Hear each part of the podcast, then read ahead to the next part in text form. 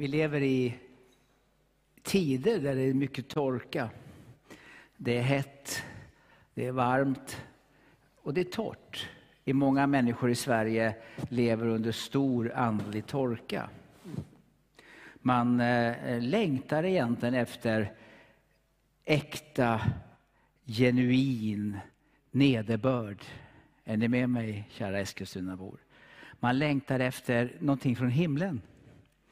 Inte bara artificiella drycker, för att ta metaforen ännu längre. Man längtar efter ett regn. Jag åkte hit ifrån Sigtuna, så åker jag över Enköping och så åker jag lite småvägar så kommer jag via Strängnäs hit. Och eh, när jag kom i Strängnästrakten strax innan så vräkte det ner. Jag vet inte om det har regnat här. Alltså, det gjorde det där. Har ni varit med om när vindrustorkan inte ens hinner med? riktigt? Alltså, jag åkte i tro ändå, men det gjorde inte alla, eller på att säga, så jag höll på att krocka med fram, bilen framför. Men, men, eh, ja, men vi längtar efter andlig nederbörd. Alltså.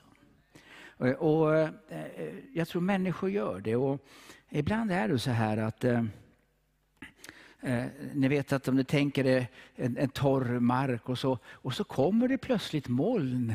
Och så längtar man efter regn, men de där molnen bara blåser förbi. Då skapar det någon form av besvikelse, eller hur? Ibland tänker jag att vi är som sådana här moln. Vi som bekänner oss som kristna, vi bekänner oss som våra gudsmän och gudskvinnor. Vi är sådana där moln som väcker någon form av hopp. Men så är det bara tomma moln. Och så blåser vi förbi människor och skapar egentligen ingen andlig nederbörd. Så är det ju inte tänkt att det ska vara. Utan tanken är ju att när människor kommer i vår närhet så känner de, här är det gott att vara. Här finns ju liv, här finns ju vägledning, här finns det ju kraft. Här finns det ju kärlek, här finns det närvaro. Det är ju det vi längtar efter. Och när vi ser på vår Mästare Jesus Kristus så märker vi ju att så många människor var runt omkring honom. Och, och överallt, fast vi läser det i Matteus, Markus, Lukas och Johannes, fast så många människor var kring honom, röck och slet i honom, så var han alltid på något sätt stilla är ni med mig? Inte sänker vi Jesus som fläktig eller flåsig eller ytlig. Tänker ni Jesus så? Kristus var alltid närvarande, alltid kraft. Och när människor kom nära honom, och ibland så läser vi om en, vi läste om en kvinna som kom nära och pang, i kraft utifrån Jesus. Och ibland när han talade så kom hans fiender och skulle ta honom till fånga. Så säger de, de kommer tillbaka till sina uppdragsgivare och säger, vad har ni, har ni inte tagit Jesus? Aldrig har någon talat som han. Det är en sån kraft, det är sån uppenbarelse så till och med hans fiender blir häpna. Är inte det Guds tanke med dig och mig? Att när människor kommer i vår beröring så är det så mycket av närvaro, så mycket av liv. Det är en längtan, det tänker jag tala lite om. Därför att, därför att saker och ting sker inte alltid av en slump. Utan Bibeln undervisar om det, livet bekräftar det, att på sådd kommer skörd. Vad är det som gör att en sån gammal man som Zlatan Ibrahimovic kan hålla i en boll och han kan hålla en boll. Alltså, skulle jag, han stå här nu så skulle han ju kicka och kicka och kicka och kicka. Är du med mig? Och så säger någon här inne, vilken tur han har. Det är inte tur. Det är en konsekvens av, en skörd av timmar ut och timmar in av träning. Så när han var ung, när hans kompisar satt och spelade tv-spel och käkade chips, då var han ute och träna, träna, träna. Idag kan han köpa chipsfabrikerna. På sådd kommer skörd. Vad är det som gör att vissa män och kvinnor har någonting att ge i varje tillfälle? Det beror ju på att man har gjort någonting i det fördolda först.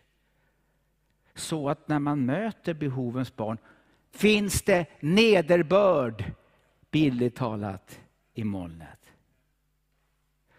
Och Det har jag fått till mig att säga lite om här.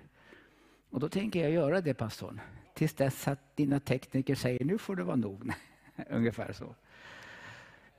Nej, men alltså, jag tänker verkligen det. Och jag, Eh, jag har ju haft förmånen, alltid lika roligt att komma till, till Eskilstuna när man har bott här själv ett par år i sitt liv. Så känns för dig som inte vet det så har jag bott här några år på Hökgatan borta vid Parken Zoo. Det är inga dåliga grejer det är inte. Bodde i en etta där. Eh, lite kall var den och lite dragigt men det var härligt på sitt sätt, verkligen. Eh, jag har goda minnen, verkligen. Och känner igen en och annan av er här också. Känns som att tiden står still, men inte när jag ser mig själv i spegeln. jag brukar säga det ibland när jag ser mig själv i spegeln. Säga, jag tackar dig Gud att du har skapat mig så övermåttan underbar. Och humor har du också. humor har du också. Uh, ja, det, uh, åren sätter sina spår. Men lyssna min vän. Uh, jag ska tala om, vi längtar ju efter kraft och vi talar om kraft. Och, jag ska faktiskt ta två tankar som har kommit så starkt till mig här. Och jag ska sammanfatta det i en enda mening egentligen. Lev enkelt. Lev djupt. Lev enkelt. Eller man säger så här då, lev enklare och lev djupare, kära syster och broder. Det är mitt budskap som jag upplever Herren säger. Och det gäller ju inte bara Guds folk i Eskilstuna. Ni kanske blir chockade att höra, men det finns så många kristna i det här landet som är så stressade att man inte hinner göra det som är rätt. Eller hur? Lär dig säga nej. För om inte du säger nej så blir jag ingenting värt. Eller hur? Det är ju därför att vi säger nej till annat som vårt ja plötsligt får betydelse. Så, jag ska tala lite om att leva djupt och vi ska tala om att leva enkelt.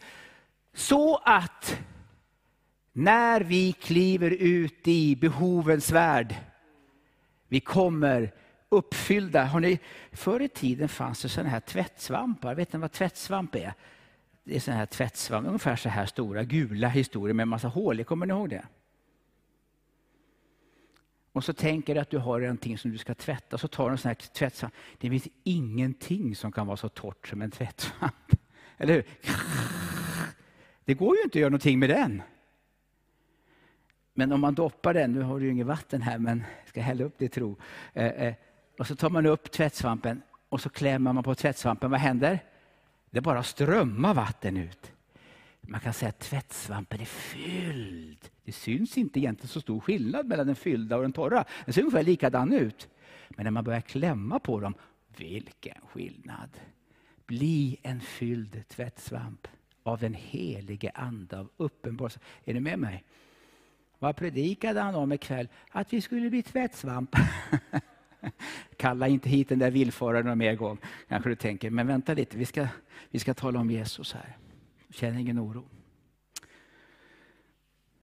Ehm, jag har jobbat ganska mycket i sommar med just detta med de inre, yttre och kollektiva disciplinerna. Nu är det annorlunda ord här. Vi behöver lära oss de inre disciplinerna. Jag ska bara ta upp en sak där. Och så behöver vi lära oss de yttre disciplinerna. Jag ska lära upp en sak där. Det inre jag ska ta upp är, lär dig leva och ordet meditation har ju blivit stulet av österländska religioner. Men Bibeln talar meditate on the word of God day and night. Eh, och om vi nu ska ta bort det där ordet som belastar en del, trigga fel tänk, så ska vi säga lär dig vara stilla inför Gud. Jag ska undervisa en stund om att lära oss gå undan och vara stilla inför Gud. Det har jag fått till mig. Alltså. Så att när vi kommer till ett sånt här bönemöte så kommer vi berörda av Gud redan. Och så ska jag och det finns flera saker, men det här är en disciplin jag ska tala om. Och så ska vi tala sen, man brukar tala om flera olika discipliner. Det låter lite undigt och lite andligt så, men kyrkan har ju funnits längre än Levi Petrus tid faktiskt. Och det kan, man kan lära sig lite saker i vad som har hänt genom åren och vad skriften uppenbarar. Vi behöver lära oss, inte bara be, för innan bön kommer stillhet. Först kommer stillheten inför Gud, sen kommer bön så vi vet vad vi ska be om. Stillhetens funktion är nämligen att höra Gud. När jag hör vad han vill, då kan jag börja be det han vill. Men om jag inte vet vad han vill, så börjar jag ibland be det jag vill bara. Och så undrar vi varför vi inte får bönesvar. Gud springer inte efter dig för att bekräfta din och min vilja. Han välsignar bara sin vilja. Så om du och jag springer och säger Gud välsigna allt jag vill, så kommer han inte att göra det. Han kommer att välsigna det som han vill. Därför måste du och jag först gå undan för att höra vad vill du Gud? Och när han har talat kan jag börja be och handla utifrån det. Säll är den man, och egentligen människa. Cell är den man som inte vandrar i det ogudaktigas råd, träder in på syndarens väg eller sitter där bespottade sitter, utan har sin lust i Herrens lag eller Herrens undervisning. Och meditate, tänker, begrundar. Säg ordet begrundar. Begrundar. Begrundar du Guds ord? Tänker på hans lag både dag, psalm 1 är det här, vers 1 och 3. Tänker på hans undervisning dag och natt. Han, eller hon, är som ett träd planterat vid vattenbäckar. Vilket bär sin frukt i rätt tid. Det bär inte alltid frukt, men i rätt tid. Men löven vissnar aldrig. Och allt han gör lyckas väl. Varför det? För han gör inte allt. Han gör det som är välsignat. Det är en stor hemlighet. Jag har lärt mig mycket. Jag har varit med så mycket på bönemöten och allting. Ibland har jag undrat, men herre varför blev det inte så eller si? Och, och, och jag har insett att, vänta nu, det var ju min vilja. Men när jag börjar med att kliva undan och ställer mig inför dig och han börjar tala om vad han vill. När jag gör det är allt möjligt. Men om jag tror att han ska springa efter mig som en liten välsignelse i koppel så blir det tyvärr inte alltid så. Allt jag gör därför vi ber, Herre, vilken väg är välsignad? Den vägen, säger han. Ja, men den är ju smal. Ja, säger Gud, men den är välsignad. Ja, men det här är ju Det här måste du väl förstå Gud. Bön är inte en, ett informationsbyte mellan dig och Gud. Det är ju inte så att du informerar Gud om saker som han, ja men tack pastor, nu vet jag lite mer. Så är inte bön. Bön är inte ett informationsutbyte. Bön börjar med att du kalibrerar dig och tystnar inför levande Gud. Vi behöver lära oss det. Sen kan man gå ut i skogen och man kan ro ut. För mig till vatten där jag kan ro. Psalm 23. Han för mig till vatten där jag kan ro. Det var en som sa en gång. Jag tycker det var bra, eller hur? Så lyssna med vän. Det första jag vill säga, lär dig kliva ut ur kaos, oljud, bruset till den Gud som ständigt är närvarande. Som alltid talar. Människan lever icke, Matteus 4.4, människan lever inte bara av bröd, utan av varje ord som utgår, presens. just nu strömmar det ord. Just nu strömmar det ord från Gud. Det strömmar uppenbarelse, det strömmar upp eh, insikter, kunskap. Hela tiden strömmar det. Så om jag kalibrerar mitt andliga öra så kan vi ju kliva ut i ett profetiskt skeende. Och så kan vi börja tala om till Patrik, Patrik vad har Herren tänkt med dig egentligen? Du har gått igenom tuffa saker. Men för den som älskar Gud kan allt samverka till någonting fantastiskt. Är ni med mig? Vi behöver kliva in i ett naturligt övernaturligt kristenliv, men vi måste ju lyssna först. Jag var på Gotland. Har ni varit på Gotland? Det är ju väldigt fint på Gotland. Ja, Eskilstuna också, självklart. självklart. Eh, eh, eh, för det var någon månad sedan nu så hade jag möten där från lite olika kyrkor i Visby. Och så hade vi eftermöte kallas det för. Vi bjöd in folk efter mötet, ett möte. Och så kommer många, men det kommer en kvinna bland annat. Och jag ser på henne att hon, hon har haft det tufft. Jag kände inte alls henne. Jag förstår att hon har haft det tufft. På något sätt bara kände jag att den här kvinnan har haft det tufft. Eh, och det är flera förbön, jag, jag ber och jag frågar alltid, får, får, får jag be för dig? Jag gör det ändå, man ska vara, och får jag lägga handen på dig? Ja, men det fick jag. Och så bad jag för kvinnan. Hon hade inte sagt någonting. Bara, du får be för mig. Och så säger jag, så hör jag mig själv be först lite allmänt och besigna. Så hör jag mig säga så här. Du, jag är din och du är min, säger Herren. Jag är din och du är min. Jag, jag, jag säger gång efter gång. Jag tänker själv. Säger, men Sven, vad är det du ber? Jag är din. Men jag, ni vet, jag ber det. Jag är din och du är min.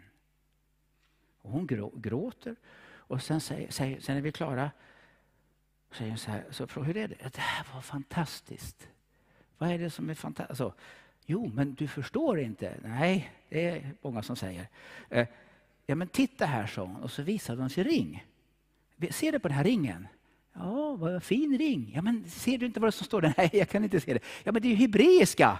Den här ringen har betytt enormt för mig. Jag köpte den i Israel. Ja, men vad står det? Det är ett ord från Höga Visan. Jag är din och du är min. Det här är den ringen som betyder allt för mig. Och här står du och ber, jag är din och min. Förstår du? Gud har inte övergivit mig. Alltså, förstå mig rätt nu, det var inga änglar som kom av sig själv. Så kom det någon form av ett flöde. Det behövde inte vara någon hojtande evangelist från Amerika eller något sånt där. Det behövdes inte. Inte ens från Tyskland eller Österrike. Utan, are you with me? Den guden tjänar vi. Men vi behöver dra oss undan och så behöver vi ställa dag och natt. Herre, vem är du? Vem är du? Vet du vem Gud är? Ja, vi har ju våra... Absolut att vi vet en del. Men känner du Gud? Känner vi? Det finns mer. Psalm 119. Det där är en enorm psalm, 176 verser. Den börjar fantastiskt. Saliga är det som vandrar i fullkomlighet. Saliga är det som lever efter Herrens undervisning. Som inte gör orätt utan vandrar på hans vägar. Du har gett dina befallningar för att det ska hållas noga.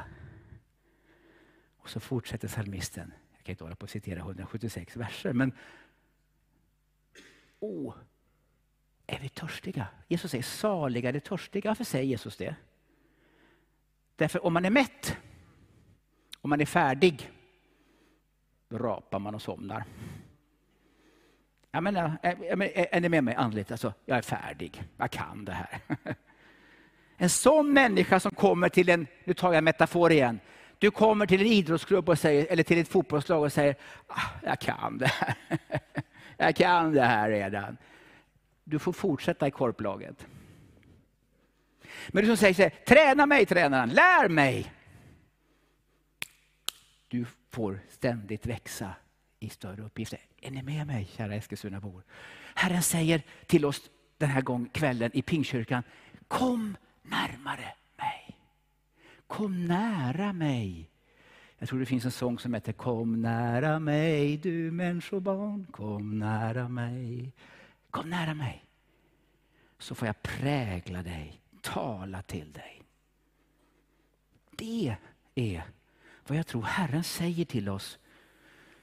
Kristen meditation skiljer sig helt och fullt från österländsk meditation. Vet du vad österländsk meditation, det handlar om att tömma ut sig.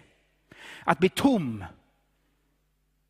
Att upphöra som människa och inte heller se lidandet. Att uppgå i atma. Det är att bli likgiltig för allt och alla. Kristen meditation är att komma inför Gud, renas från all synd och elände för att fyllas av hans ande och hans ord. Så att jag ser nöden, men också kan göra någonting åt den. Silver och guld har jag inte, men vad jag har, det ger jag dig. Är ni med mig? Ibland är det så i kyrkans värld nu, silver och guld har vi, men inte kraft. Är ni med mig? Vi behöver bli gudsmän och gudskvinnor igen. Så att vi kliver in i Guds närhet och säger, mycket förstår jag inte här, men en sak förstår jag när jag kommer in här. Här bor Gud. Då behöver ni inte annonsera längre efter folk. Det kommer vara kö här ute. Och vi har ju ett bönecenter i Sigtuna. Det kommer människor, det strömmar människor. Det händer under och tecken. Du berättar lite. Vi ber ju tre timmar varje fredag nu. Vi har ökat upp det här nu. Och det kommer människor. En man som hade fått av läkaren säga, du lever på övertid. Du lever på övertid. Han hade cancer i binjurarna. Och ni som är läkare eller sjuksköterska här, har man cancer i binjurarna är chansen 6% att överleva när det gått till en viss grad. Han hade sålt sin motorcykel, sålt alla sina prylar. Läkaren sa, du kommer inte klara dig. Alltså, du lever på övertid. Mannen var troende. Han hade aldrig överhuvudtaget varit på vårt bönecenter. Jag kan inte gå in på detaljer, jag hinner inte det. Den här fredagen, vi ber tre timmar varje fredag, var inte jag med för jag var på en tv-inspelning, men min fru ledde det, Anna-Karin. Innan hon åker iväg så får hon en känsla, för den här mannen har nämligen en chefsposition på det stora företag hon jobbar på. Hon säger, tänk om han kommer idag. Jag bara skriver ut några bibelord. Han har aldrig varit där. Jag tror, inte han, han sa, jag tror inte ens han vet om att vi har bön. När vi kommer till bönesamlingen så har en annan man som brukar vara på våra bönesamlingar kontaktat hennes chef och sagt, kan inte du komma till bönecentret den här fredagen? Ja, men jag är på läkarundersökning, men jag ska försöka. Han kommer ser de här bönämnena, för hon hade skrivit ut bönämnen som vi har lagt fram på ett litet typ altarskåp. Och så börjar vi be. Ja, det är där i studiekyrkan som du brukar vara i. Och de ber och Guds ande faller. Och gråter gör de. Och vet du? Alltså, sen dess, det är fler som har bett, det förstår det, men så har krafterna kommit tillbaka och man har, han gick till läkare först och sa, jag förstår inte, alla värdena ska inte vara så här bra. Det verkar som att medicinen tar enormt just nu. Eh, eh, så man röntgar honom, de stora cancerknölarna, alla bara krymper, krymper, krymper, krymper, krymper, krymper, krymper. Nu har det gått så, nu har han köpt motorcykeln igen. Eh, alltså, nu har han köpt igen. Alltså det, det finns mer alltså. Det gör det. Jag vet att ni vet det, men jag säger det då plötsligt är det ju härligt och spännande. Då är det inte massa religiösa aktiviteter. Om, min fru, om jag skulle umgås med min fru som en nödgad aktivitet så hade jag fått en smäll. Gå härifrån, jag vill inte ha det här. Alltså, jo, men jag är här för att jag måste umgås med dig. Gå, hade man sagt, och gör någonting annat. är ni med mig? Men för den som törstar och älskar och längtar efter Gud, söker sig till honom söker sig till honom. Så, och, och det, så det är min första tanke nu. Och det är väldigt viktigt. att lyssna nu, det är ju Jesus det handlar om. Vad är det Jesus sa? Har du tänkt på vad Jesus ofta säger? Ni kan det, jag vet att ni kan detta. Tidigt på morgonen drog han sig undan för att be. Och ibland står det natten igenom bad han. Inte alla nätter, men vissa nätter. Och så säger Jesus någonting spännande. Eh, eh, stackars du som skriver bibelord här nu. Så vilka bibelord ska du ha? frågade hon. Jag får se, blir mitt svar. Eh, men eh, lyssna. Bara Johannes 5, vi ska ta hand Bibeln. Johannes 5, vers 19. Det blir lite undervisning, så är det ju va. Eh, jag kan inte hjälpa det, eh, men Johannes 5, eh, vers 19. Tänk efter vad Jesus säger. Som Jesus gör ska jag göra. Bra, säger Fadern. Vad gör han då? Ja, men lyssna, har du inte tänkt på vad Jesus säger? Johannes 5, 19. Jesus svarade dem. Jag säger er sanningen. Sonen kan inte göra något av sig själv, utan bara det han ser Fadern göra. Vad Fadern gör, det gör Sonen. Jesus drog sig undan för att vara med Fadern och se vad Fadern gjorde, det gör han. Samma sak är det, inte bara med detta, det är det också med orden. Johannes 14 och 10, följ med mig, jag kan läsa massa bibelord, jag bara läsa Johannes 14, vers 10. Tror du inte att jag är i Fadern och Fadern är i mig? Orden jag talar, säger Jesus, till er säger jag inte av mig själv. Fadern bor i mig. Och hans gärningar, och hans gärningar, är, och det, och gärningarna är hans verk. Alltså Jesus som var sann människoson, han kan ju inte vara vår förebild om man går omkring som en ängel här. Utan, utan han var den andra personen i gudomen, men han avsade sig sina gudomliga attribut och var en sann människa. Annars är det ingen förebild, jag kan ju inte vara Gud. Så gjorde han sig beroende av Fadern för att visa att ni ska vara beroende av Anden. Som Fadern har sänt mig sänder jag er. Ni ska börja kalibrera er inför vad Anden säger. Andens ord ska vara era ord. Andens gärningar ska vara era gärningar. Är ni med mig? Då plötsligt så är det ju kraft i det vi gör. Därför måste allt bön ytterst börja med, vad säger du? Och Det Gud uppenbarar kan man ju tro på och man kan förkasta. Jag kan säga så här, allt är möjligt. Ni, den här skara människor, ni, ni kan, pastorn och Rut, pastor Rut, här, allt är möjligt för den här församlingen. Det, alltså det ytterst sett handlar sätter vi vår tilltro till vad Gud uppenbarar, men vi har ingen aning om vad han vill, ja då är det ju svårt att tro. Va? Och jag menar inte att det, vi, vi, ska vara odemokratiska på ett sätt, men samtidigt är det ju faktiskt, man kan inte besluta, nu beslutar vi alla här inne att Gud vill. Det funkar inte riktigt så. Utan det funkar om att Gud uppenbarar någonting som, ah, det är Gud. Då vill ju allt Guds folk samma sak. Jag undrar om inte vi behöver gå lite till bibliska ordningar här.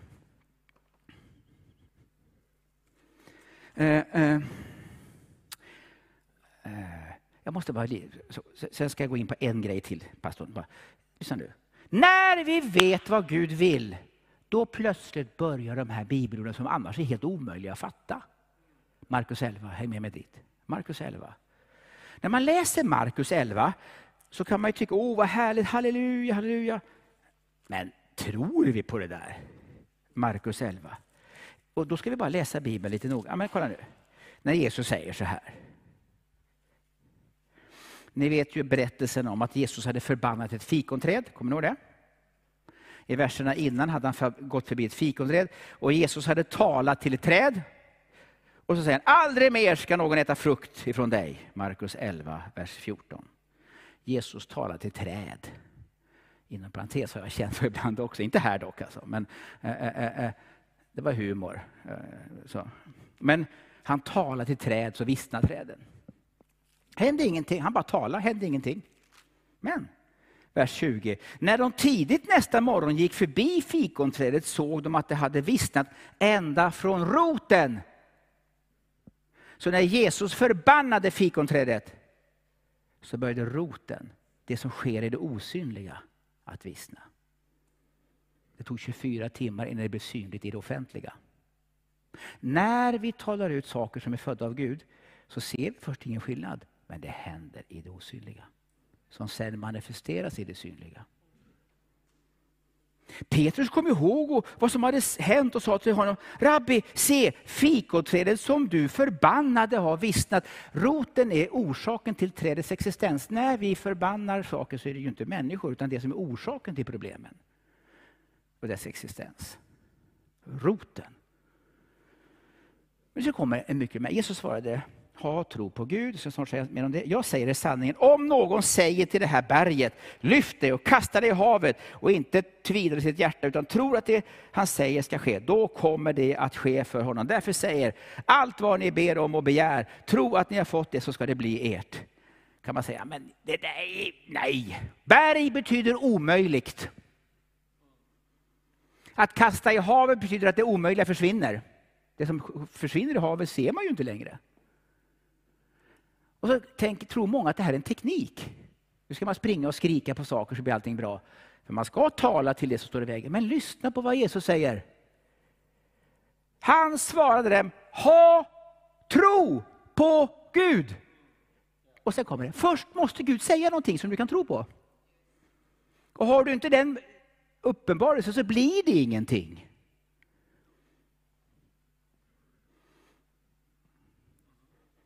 Jag vill, ha 500, jag vill ha 500 Rolls Royce, känner jag ska tro för. Du, du, du kommer inte få det på det sättet. Ha tro på Gud. Och hur ska jag ha tro? Tro kommer av att Gud förkunnar någonting för dig. Och när Gud säger någonting och du börjar tro det och så börjar du tala till det berg som står i vägen för Guds vilja, så börjar saker ske det osynliga för att sen manifestera sig. Det är bönen, kära vänner. Det är trons bön det. Inte att vi börjar skrika på massa berg som inte Gud har uppenbarat för oss någonting om. Om vi blir bibliska, så, om, om vi följer Bibelns ordning så kan vi få se Bibelns resultat. Och det är inte illa, mina vänner. Ja, men kan det där funka verkligen? Ni har hört mig säga det tusen gånger. Jag brukar oftast, eller kanske inte har gjort, men jag brukar oftast ta det här exemplet. 1958 blev en man, jag, jag, jag tror jag berättat det flera gånger här, men jag gör det igen. Jag har varit med om att sångarna har sjungit samma sång också flera gånger. Eh, så eh, 1958 så var Sydkorea 98 procent buddhistiskt. Det fanns några frikyrkliga och några katolskt kristna varianter, men det var väldigt, väldigt lite. Alltså. Så blev en man frälst helad från tuberkulos av några amerikanska missionärer, Pentecostals missionärer, Assembly of God. Och han gick några månader på en bibelskola. Och startade han en församling med sex tanter i. Köpte ett gammalt amerikanskt militärsjukhustält, för det har ju varit Koreakriget som ni vet. Kanske kommer ihåg. Jättetält. Och så hade han möten. Tänk dig ha ett möte, stort tält och sex tanter. Och det berättas om att John Guillou, när han, han tog det namnet sen, när han predikade så blundade han och skrek. Och så var det de som undrade, men varför, varför blundar ni herr pastor Sjo? Ja, men därför att Gud har sagt en sak till mig. När jag har bett, för han, jag kan bara be, sa han. Jag kan inte så mycket i Bibeln, jag, jag kan be. I bönen hade Gud sagt till honom, jag ska ge dig 3000 medlemmar. Har man sex tanter är det ganska mycket procentuellt. Eller hur? Ja, men det är rätt bra. Och han trodde Gud om det. Så jag tror. Och därför, men varför blundar ni pastor Sjo? Därför att när jag, när jag blundar så ser jag 3000. Men när jag tittar ser jag bara sex tanter. Och jag vill inte tappa tron. De skrattade åt honom, men det blev 3000 medlemmar. Det blev 10 000 medlemmar, 50 000 medlemmar, 100 000 medlemmar, 200 000 medlemmar, 400 000 medlemmar, 800 000 medlemmar. De har gett bort ett par hundratusen. Idag är 40 procent av Sydkoreas befolkning evangeliskt troende. Ja, men, kan man kasta berg i havet? Ja, men det tar lite tid. Men det går. Och oj vad de ber. Jag har själv varit på Sydkorea, jag, har själv varit, jag blev bjuden på en affärsman dit, åkte dit, var där ett par veckor, var på böneberget. 10 000 bedjare dygnet om som ropar till Gud. Det är helt enormt faktiskt. Eh, eh, eh, och, och jag var på ett Sörli Stadium, jättefotbollsplan. 50 000 bedjare. Det var hälften av cellgruppsledarna. Alltså det är inte klokt. Det är ju inget roligt att vara en demon i Sydkorea kan jag säga. För de ropar och ropar och ropar. Jag undrar om de går norröver kanske. Eh, ja, Sydkorea, Nordkorea. Men alltså, okej. Okay. Men min poäng är, Är det möjligt? Ja, men det måste ju säga, Gud måste säga någonting först. Spurgeon, predikanternas predikant, sa så här, be tills dess du får bönens ande. Be tills du vet vad bön är. Ja, jag har pratat en till halvtimme nu. Ehm. Jag vill bara säga, älskade vänner, det är inte en religiös handling. Har du inte tro för bö, gå hem och fika. Det är bättre att du fikar med familjen i tro än att sitta av ett religiöst möte. Men om du har tro, oh, hjälp! Vilken möjligheter alltså. Jag ska inte säga mer än det. Jag ska bara, jag ska bara ta rubriken på, det var punkt ett, punkt två kommer ta två minuter. Vi måste, det har lite med den inre disciplinen att göra. Och man kan säga att den inre disciplinen handlar helt enkelt om, förutom bön, så handlar det, alltså meditationen då, eller det, det är begrundandet så ett, bönen som nummer två, fastan som nummer tre. Åh, vilken makt! Oh, oh. Oj, oj. Och sen är skriftstudier som nummer fyra. Sen när man kommer till de yttre disciplinerna så är det enkelhet, avskildhet, underordnande och betjänande. Och nummer fem, när man kommer till de kollektiva disciplinerna så handlar det till exempel om sådana saker som att man bekänner saker för varandra. Om vi vandrar i ljuset, liksom han är i ljuset, får vi gemenskap med varandra. Men när vi spelar religiösa spel får vi ingen gemenskap. Är allt väl? Allt är väl! Alltså man gråter på insidan. Istället för att säga, det är inte väl Patrik, jag mår inte bra. Direkt får vi gemenskap. Men det får vi ta någon annan dag. Jag ska bara säga en sak som har lite mer yttre. Vi måste lära oss leva enklare. Jag säger inte att du måste sälja ditt hus, din fritidsgård, dina, dina golfklubbor, din flygmaskin. Bam, bam, bam, bam. Men det är klart, någonstans har vi väldigt mycket. va? Måste du ha så mycket? Alltså medelsvensson idag har så fruktansvärt mycket aktiviteter. Och, det, och den här mobiltelefonen, jag ibland undrar om den är från Gävle. Alltså det är så vansinnigt mycket grejer. Alltså jag såg något klipp en gång, det var någon som satt och tittade på Youtube när de gifte sig. Va? Alltså, alltså, ja, förstår, men det, det, det är liksom... Stäng av, lev enklare plötsligt blir det som är värdefullt riktigt klart för oss. Har ni någon gång tagit upp mobilen, ska bara titta på en sak och sen en timme senare, oj vad tiden har gått. Alltså om vi lär oss leva enklare så kommer vi frigöra mycket mera tid. Jag säger det bara, jag ska inte gå in på mera nu, det finns mycket mer att säga om detta. Jag ska bara citera psalm 73 min, en av mina älsklingssalmer i, i, i Salta salmerna. Vem har jag i himlen utom dig? Och när jag har dig, då frågar jag efter inget på jorden. När jag har fått dig. Jag frågar inget efter, det, det, det är det viktigaste. Fader, jag tackar dig att mina syskon här, vi kämpar, vi kämpar med vardagliga problem. Vi kämpar kanske med hälsa, vi kämpar med ekonomi, vi kämpar med relationer, vi kämpar med vikt och vi kämpar med kropp och vi kämpar med mat. Vi kämpar med så mycket saker. Och Herre, allt har sin plats, men sök först Guds rike och Guds rättfärdighet så kommer ju andra saker att falla till på rätt sätt. Och Fader, vi blir lurade av fienden att inte vara fokuserad på dig, att hoppa från den ena tunnan till den andra. Och så undrar vi varför vi inte hör någonting. Varför vi inte förnimmer någonting. Jag ber Herre att den här förkunnelsen som du la på mitt hjärta ska locka människor till dig. Till dig Herre. Till närheten till dig. Hjälp oss, hjälp mig Herre att säga nej. Får så många samtal, får så många möjligheter. Och det behöver inte vara onda ting. Hjälp mig säga nej till det oväsentliga så att det väsentliga verkligen får vara i centrum. Herre, jag ber om att du skapar den här törsten i mina syskon här nu. Och en dag, Herre, när du kommer tillbaka och hämtar din skara hem, Herre, då ska vi få se dig som du är, Herre. Då kommer vi förstå allting. Herre, Lär oss att lyssna, lär oss att vara stilla likt Maria vid dina fötter. Ta inte ifrån henne, hon har valt den goda delen. Att vara stilla inför dig Mästare. Det finns en strid, det finns en kamp. Men då har vi varit på träningsläger inför dig. Då har vi ett vapen. Herre, låt oss kränga av oss Davids, eh, Sauls utrustning och ta Davids stenar. Fem stenar kan fälla Goliat bättre än andras tekniker och utrustningar. Fader, jag ber för mina syskon här att vi får en stridskänsla i våra hjärtan. Att strida trons goda kamp, Herre.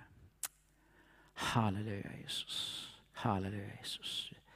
Halle. Vi ska alldeles strax gå in. Jag vill bara säga det att, precis som pastor Carl Wilhelm sa här, så har jag jag säger det bara nu innan vi går vidare, pastor. Jag vet inte vilken ordning vi ska ta. Så jag har skrivit en bok som heter Makt med Gud.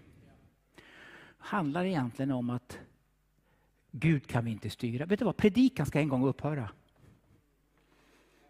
Vi kommer inte predika i himlen.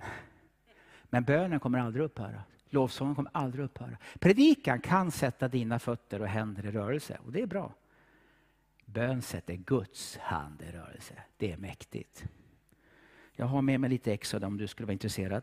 199, du kan swisha om du vill det. Jag har med mig det. Vill du fundera lite på Världen idag som tidning också så är det en fantastisk tidning. Jag skriver där, jag leder skribent också där. Så du får gärna vara med och komma efteråt så kan vi prata lite, få lite premieböcker hit och dit. Fråga Herren. Från och med nu syster och broder så är det han som ska vara ännu mer i centrum. Gud välsigna dig. Nu går vi vidare pastor. Jag bollar över till dig här.